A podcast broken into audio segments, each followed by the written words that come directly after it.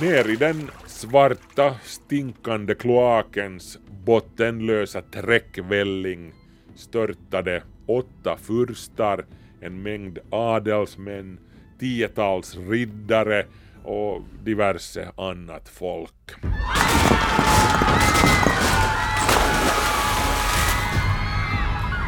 Ten, nine, eight. Ignition sequence start. Five, four, zero. Quantum leap. Saut quantique. Salto quântico, salto quântico, salto quântico. Quantum Salto quantico. Salto. Salto quantico. Kvanthopp, det du inte visste att du ville veta. Och hurdan har din vecka varit då? Nå, du, jag har haft en riktigt skitvecka. Nå, no, hör du, för, för det första, inte sånt där språk här. Och, och för det andra, du har inte sett en skitvecka. Låt mig berätta om en riktig skitvecka. Eller åtminstone en skitdag. En riktig... Äh, nu använder jag ju också själv fult språk här, beklagar det. Men det är svårt att undvika det när vi talar om den värsta uh, latrinkatastrof som någonsin har drabbat Europa. Sannolikt världen också. Jag talar om latrinkatastrofen i Erfurt i Tyskland 1184 där minst 60 av den tidens högst uppsatta adelsmän och präster inom det tysk-romerska riket drunknade i avföring på en och samma gång. Ja, det låter ju som någonting direkt ur Game of Thrones eller någon annan liknande modern TV-serie. Men det här var alltså en helt genuin olycka som faktiskt inträffade. Ren och skär otur kan man säga. Shit happens skulle någon kanske säga. Mm. Rikets politiska och religiösa grädda hade alltså samlats i, i Peterskyrkan i Erfurt i, i Thüringen i, i hjärtat av det som idag är Tyskland. De hade kallats dit av kung Heinrich den sjätte av Thüringen som senare skulle bli kejsare över hela det tysk-romerska riket. Avsikten med det här mötet var alltså att medla fram en lösning på en lokal landtvist, men golvet i kapitelsalen i den medeltida klosterkyrkan där mötet hölls gav vika och rämnade. Minst 60 av de närvarande mäktiga männen rasade ner i latringropen som låg i källaren under möteslokalen. De drunknade bokstavligen i flytande avföring. Tyskarna de kallar det hela för Erfurter Latrinensturz, den erfurtska latrinolyckan. Om den här minst sagt bizarra katastrofen, som det har talats förvånande lite om, ska Kvanthopp alltså handla idag. Om inte för annat så kan det löna sig att lyssna ifall du tycker att du har haft en riktig skitdag eller till och med en skitvecka. För du har inte haft det på riktigt, vågar jag påstå. Inte jämfört med det här åtminstone.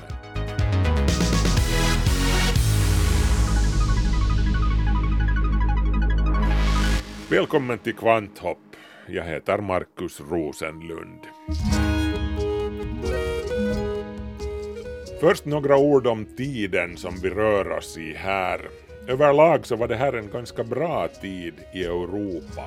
Högmedeltiden, som perioden kallas, löpte alltså parallellt med tiden som klimatforskarna kallar den medeltida värmeperioden mellan 950 och 1250 ungefär.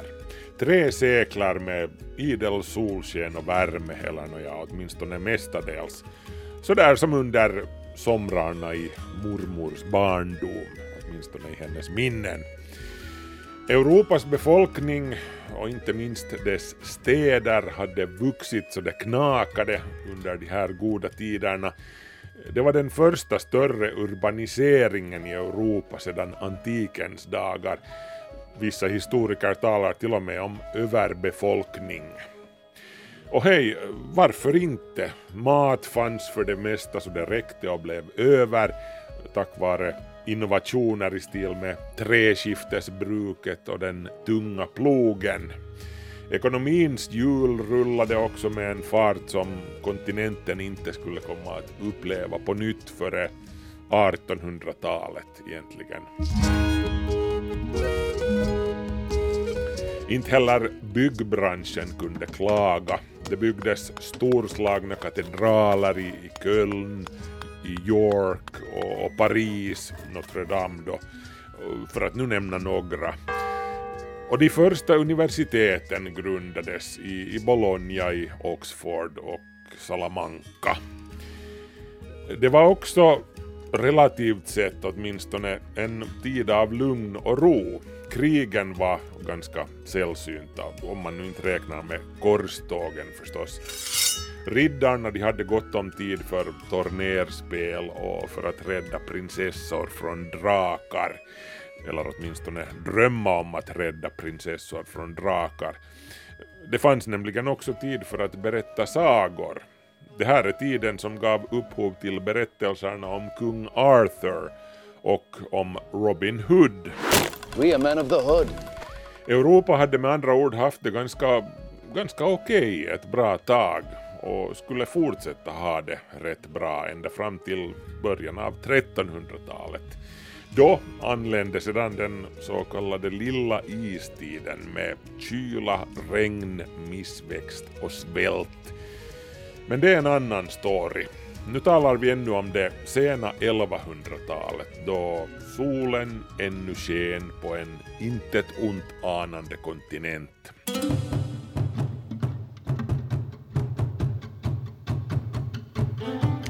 Men det fanns förstås hörn också på den här tiden dit solen inte sken. Bokstavligen då. Uh, hygienen var det nämligen lite si och så med i det medeltida Europas slott och kojor. Och med en befolkning som växer och, och städer som byggs ut så det knakar i fogarna så blir det bara skitigare. Just beträffande hygien och sanitära frågor hade man nämligen ännu långt kvar till att återuppnå den standard som rådde på det gamla Roms tid. Romarna de hade ju ett avancerat system med kloaker täckta av sten, ungefär som moderna kloaker.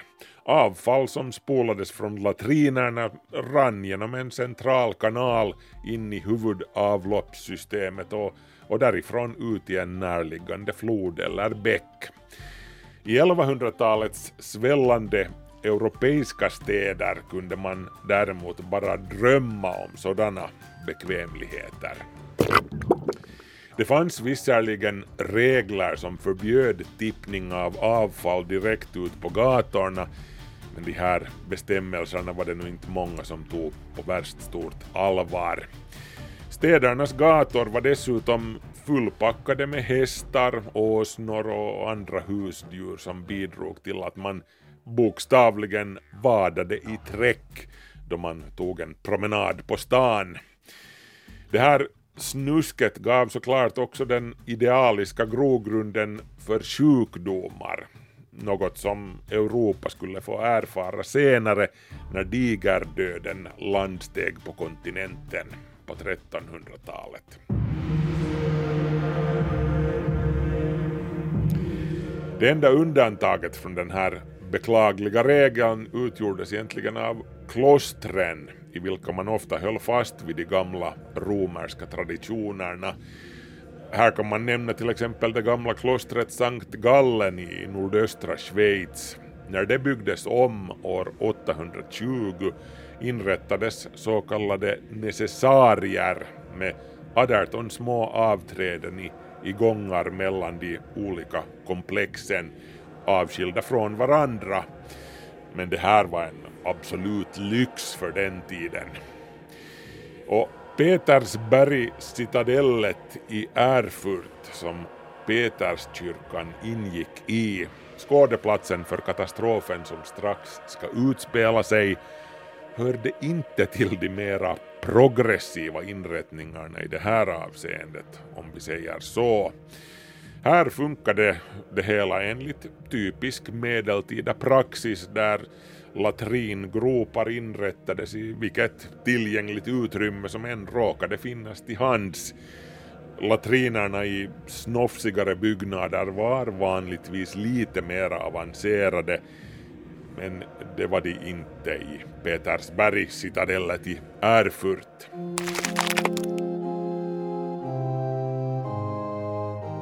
De som hade grävt kloakgropen under kyrkan i Erfurts citadell hade inte brytt sig desto mer om vare sig dränering eller ventilation med den följd att hela byggnaden var fullkomligt genompyrd av stank. Nå, det här var i och för sig inte nödvändigtvis någonting som man skulle ha höjt värst mycket på ögonbrynen åt i medeltidens Europa. Det hörde till saken, det var så det luktade lite varstans. Eh, människor vänjer sig vid de mest hårresande saker, tyvärr. Men lukten var hur som helst inte poängen här. Eh, poängen var att ångorna från kloaken också hade bidragit till att golvbrädorna i kapitelsalen vid det här laget var helt genomruttna med ödesdigra följder som vi ska se.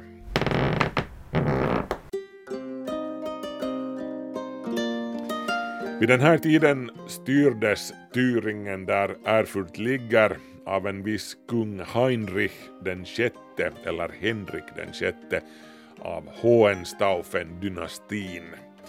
Henrik den sjätte blev senare kejsare av det heliga tysk-romerska riket. Han regerade mellan åren 1191 till 1197.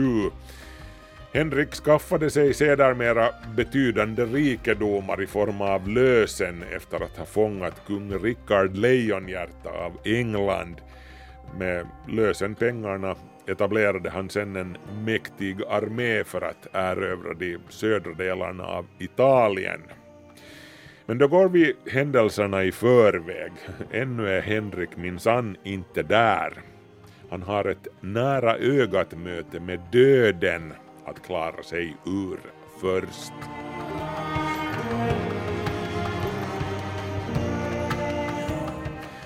Den här tidens Tyskland drogs med svåra politiska stridigheter orsakade av ständiga små och större maktkamper mellan feodala adelsmän och religiösa ledare inom den romersk-katolska kyrkan. En sådan konflikt utbröt mellan Konrad av Wittelsbach som var ärkebiskop av Mainz, han var också känd som Konrad den förste, och Ludvig den tredje, lantgreven av Thüringen, han råkade också vara kung Henriks kusin. Det är lite oklart exakt vad som egentligen låg bakom den här konflikten men det hade nu troligen att göra med någon sorts landtvist. Det här är mina marker, nähä, de är mina. Nå, ni vet, det där vanliga joxet. Det var feodalismens tidevarv trots allt. Att äga land var i princip nyckeln till allt. Vilket problemet än var så ville kung Henrik ha saken avgjord och avlägsnad från dagordningen. Och när han nu ändå hade vägarna förbi Erfurt, han var på väg till ett fälttåg i Polen, äh, kallade Henrik till ett möte dit regionens ledande adelsmän och kyrkans högst uppsatta tjänstemän bjöds in. Föga anade kungen eller hans män att mötet skulle göra ett så olycksaligt stänk på historiens sidor.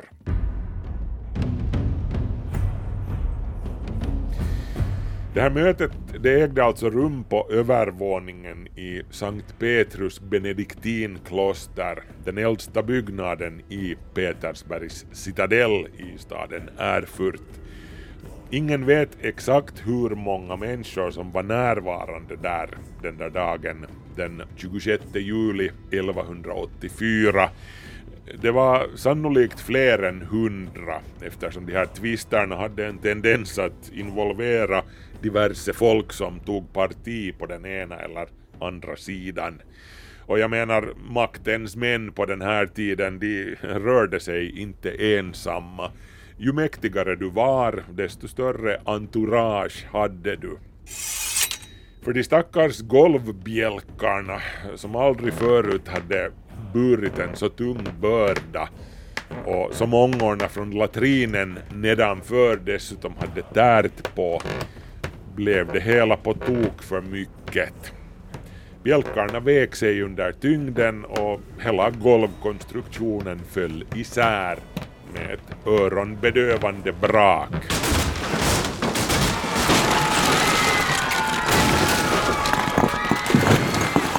Tyngden från det fallande bråtet var sådan att när människor, trä och sten träffade bottenvåningens golv gav också det efter och allt samman och allesamman fortsatte att rasa raka vägen ner i källaren där den stora septiktanken låg, den som tog emot avfallet från klostrets latriner. Ner i den svarta stinkande kloakens bottenlösa träckvälling störtade åtta furstar, en mängd adelsmän, tiotals riddare och diverse annat folk.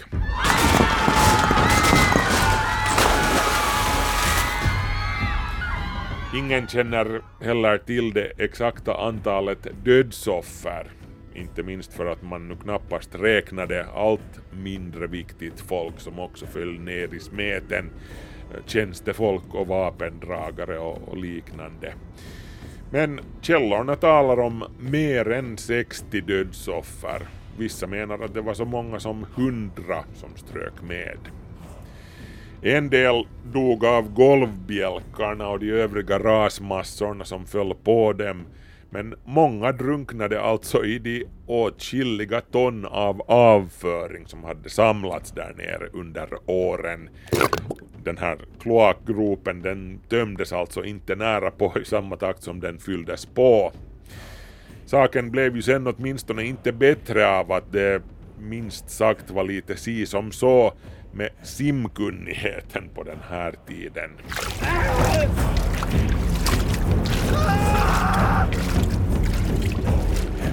Bland de höga adelsmän som miste livet på ett så nesligt och vanärande sätt var Gosmar den tredje, greve av Ziegenhain, Beringer den första av Melligen, greve Friedrich av Abinberg, greve Heinrich von Schwarzburg, eh, borggreve Friedrich von Kirchberg och borggreve Burchard von der Wartburg. Samtliga högt uppsatta och inflytelserika personer i det tysk-romerska riket.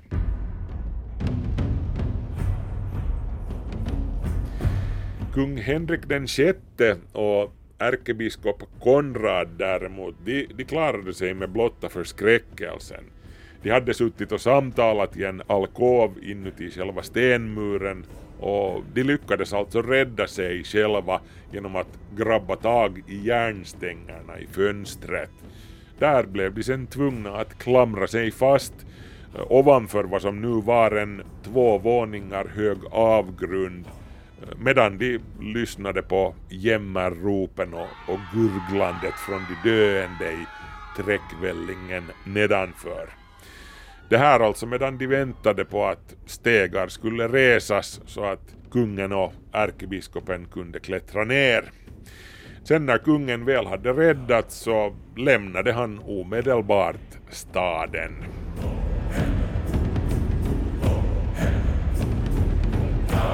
Ludvig den tredje, eh, den andra parten i, i landtvisten som hade föranlett hela mötet, var ute på golvet när det rämnade. Han föll de facto ner i avloppsbrunnen. Han drunknade ändå inte och han lyckades dessutom på något vis undvika att dö av infektion i de skärsår och skråmor som han måste ha ådragit sig när han föll ner i smeten.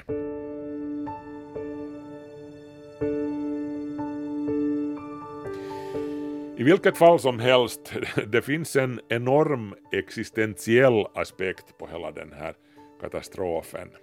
Jag menar, tänk lite på det. Ena sekunden är du en högt uppsatt adelsman, respekterad och fruktad. Självaste kungen känner dig vid namn. Döden ägnar du inte en tanke åt, inte i det här skedet åtminstone. Du har alltid utgått från att när den oundvikligen kommer så gör den det åtföljd av stor ära. Kanske du dör i fält, i försvaret av den enda sanna tron. Kanske det är en saracens kroksabel som tar dig på korståg i det heliga landet. Kort sagt, du är totalt inte ett ont anande i stunden där du sitter och dagdrömmar. I nästa ögonblick drunknar du i skit. Bokstavligen. Är inte det här det ultimata beviset på att allting kan förändras på en femöring? Jag menar, vad kan man säga? Lev medan du kan. Memento mori. Kom ihåg att du är dödlig. Jag tror nog att folk insåg det här på den här tiden. Jag menar, döden var ju allestädes närvarande. Men inte på det här sättet. För guds skull, någon måtta ska det väl vara.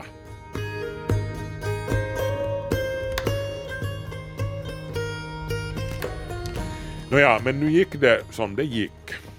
Lite slående är det ju på något sätt att den här otroliga katastrofen inte har blivit desto mer omtalad.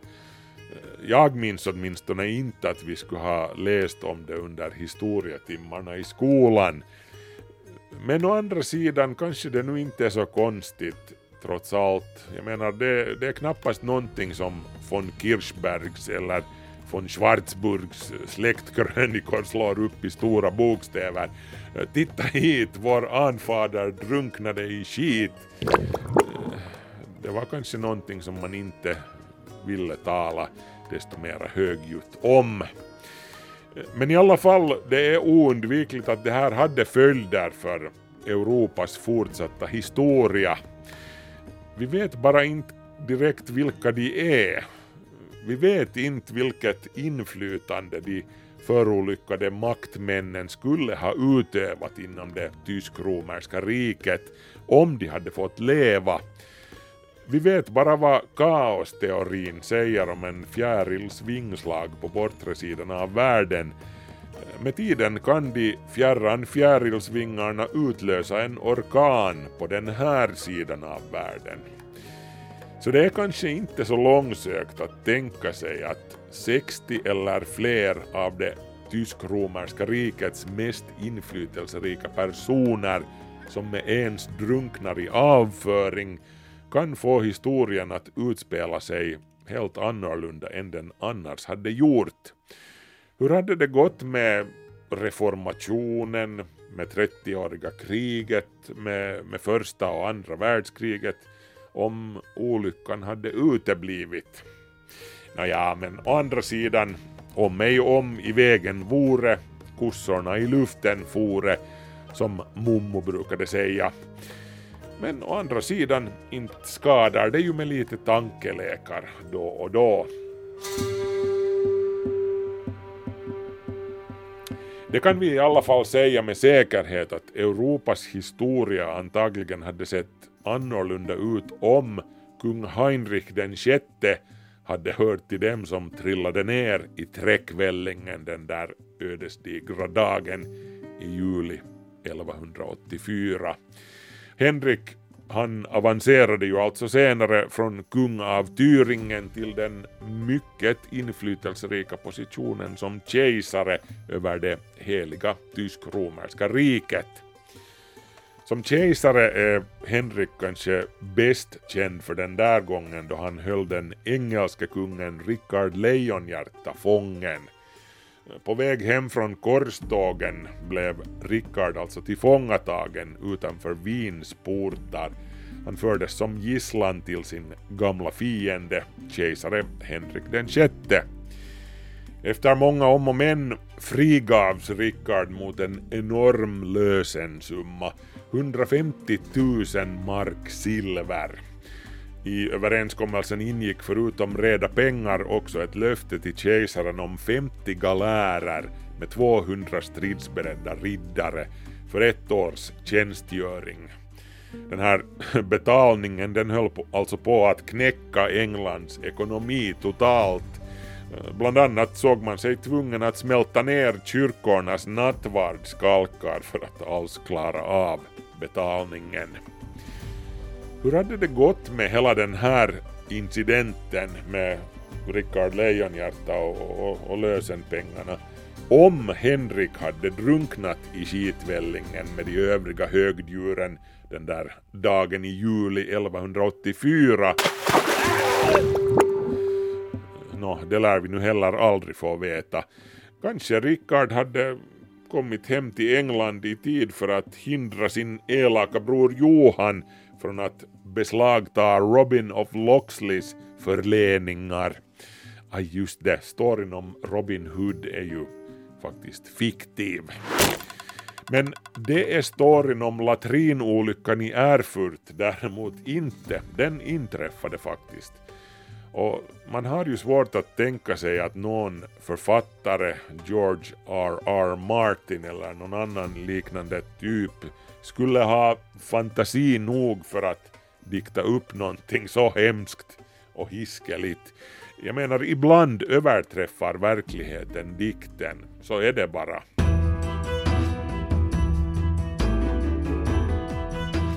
Henrik själv, han blev sist och slutligen inte sådär jättelånglivad som tysk-romersk kejsare. Han gav ett löfte om att dra ut på korståg 1195 och börja förbereda sig på det. Eh, uh, 1197 seglade sedan korsfararna ut hemifrån mot det heliga landet. Henrik, som just då var på Sicilien för att slå ner en revolt, skulle ansluta sig till den på vägen, var det tänkt, men han insjuknade och dog i Messina på Sicilien den 28 september 1197 innan det blev någonting av de planerna. Henriks död störtade sedan det tysk-romerska riket i en kaotisk tronföljdskonflikt som rasade under de följande 17 åren. Men inte heller latrinkatastrofen i Erfurt blev helt utan konsekvenser faktiskt. Olyckan väckte bestörtning över hela kontinenten och ledde med tiden till att man började tänka om beträffande latrinväsendet i Europas herremansbostäder. Till en början placerade man avträdena i särskilda torn i något ytterhörna av borgen. Eh, ett sådant kan till exempel beskådas i slottstornet Kärnan i Helsingborg. Eller så uppdelades den centrala kloaken på ett flertal smärre kloaker. Så lät till exempel Henrik den åttonde göra på sitt slott i Eltham, liksom också drottning Elizabeth den första gjorde i palatset i Greenwich. En annan lösning som också tillämpades i slotten var att förlägga avträdena till själva yttermuren, vilket alla nu inte gillade i och med att det drog kallt kring kärten när man satt där på hålet. Men man blev nu åtminstone av med stanken inuti slottet. De här medeltida, inom citat, moderna bekvämligheterna tedde sig utifrån som små burspråk som vilade på ett par bastanta kragstenar i yttermuren. De var försedda med ett eller flera små fönster och ibland också med spira och flöjel på taket. Små sådana här hemlighus eh, går att se till exempel på gamla bilder av slottet Tre Kronor i, i Stockholm.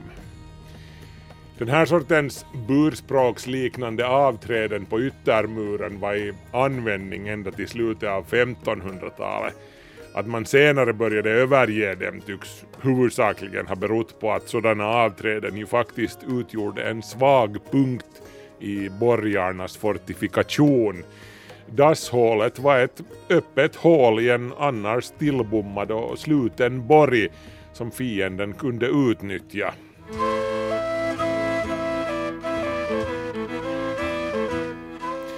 Faktum är att en av de mest avgörande händelserna i det svenska rikets historia illustreras av just det här. Då Gustav Vasa var på flykt undan danskarna 1521 gömde han sig på gården Ornäs i, i Dalarna. Men han blev förrådd av gårdens ägare Arent Persson som underrättade danskarna om hans närvaro. Perssons hustru Barbro Stigsdotter, hon räddade hur som helst Gustav Vasa som enligt sägnen lyckades undkomma sina förföljare genom att fira sig ut genom ett avträde av den tidigare nämnda sorten. Nedanför dasshålet väntade sedan en släde som Gustav Vasa hoppade i och drog sin väg i medan den danska fogdens soldater nalkades över isen på husets andra sida. Och resten är historia, som de säger.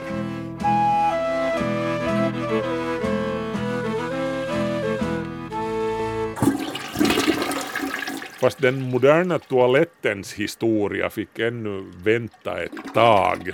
Det var egentligen inte förrän i början av 1800-talet som sanitet började diskuteras på allvar och studeras av experter på folkhygien.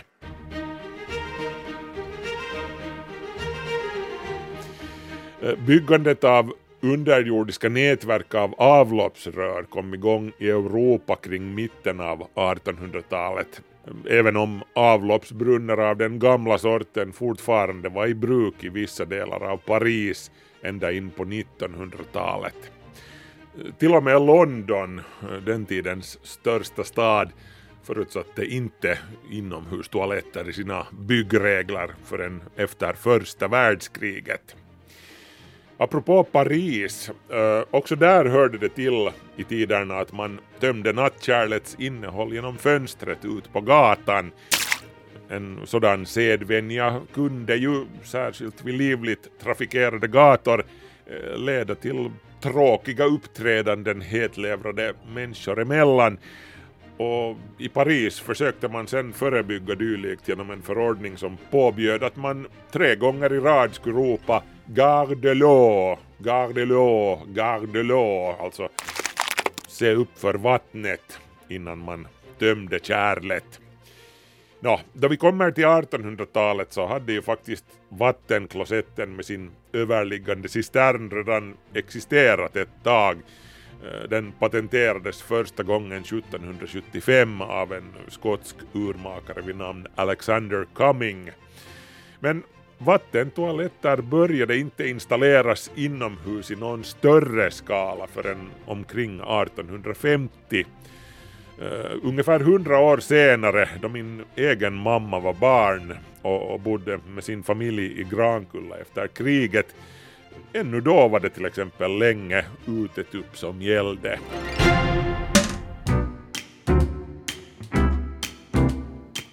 Nå, eh, i vilket fall som helst, man ska kanske inte klaga om man nu råkar bo i ett husbolag som står inför ett stambyte. Jag menar, bättre trots allt med friska rör som transporterar bort bajset än en stor stinkande grop i källaren som man kan rasa ner i just som man anar det allra minst. Som den där ena gången i Erfurt. Sådant kan sätta sordin på stämningen när man har gäster.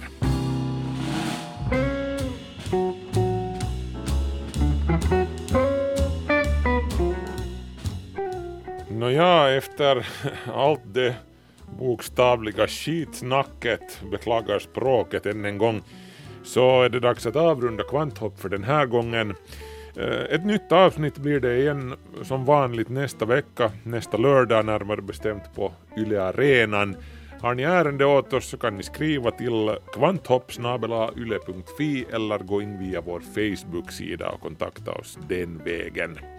Markus Rosenlund så heter jag som nu tackar för sällskapet och säger på återhörande hej så länge, ha det bra.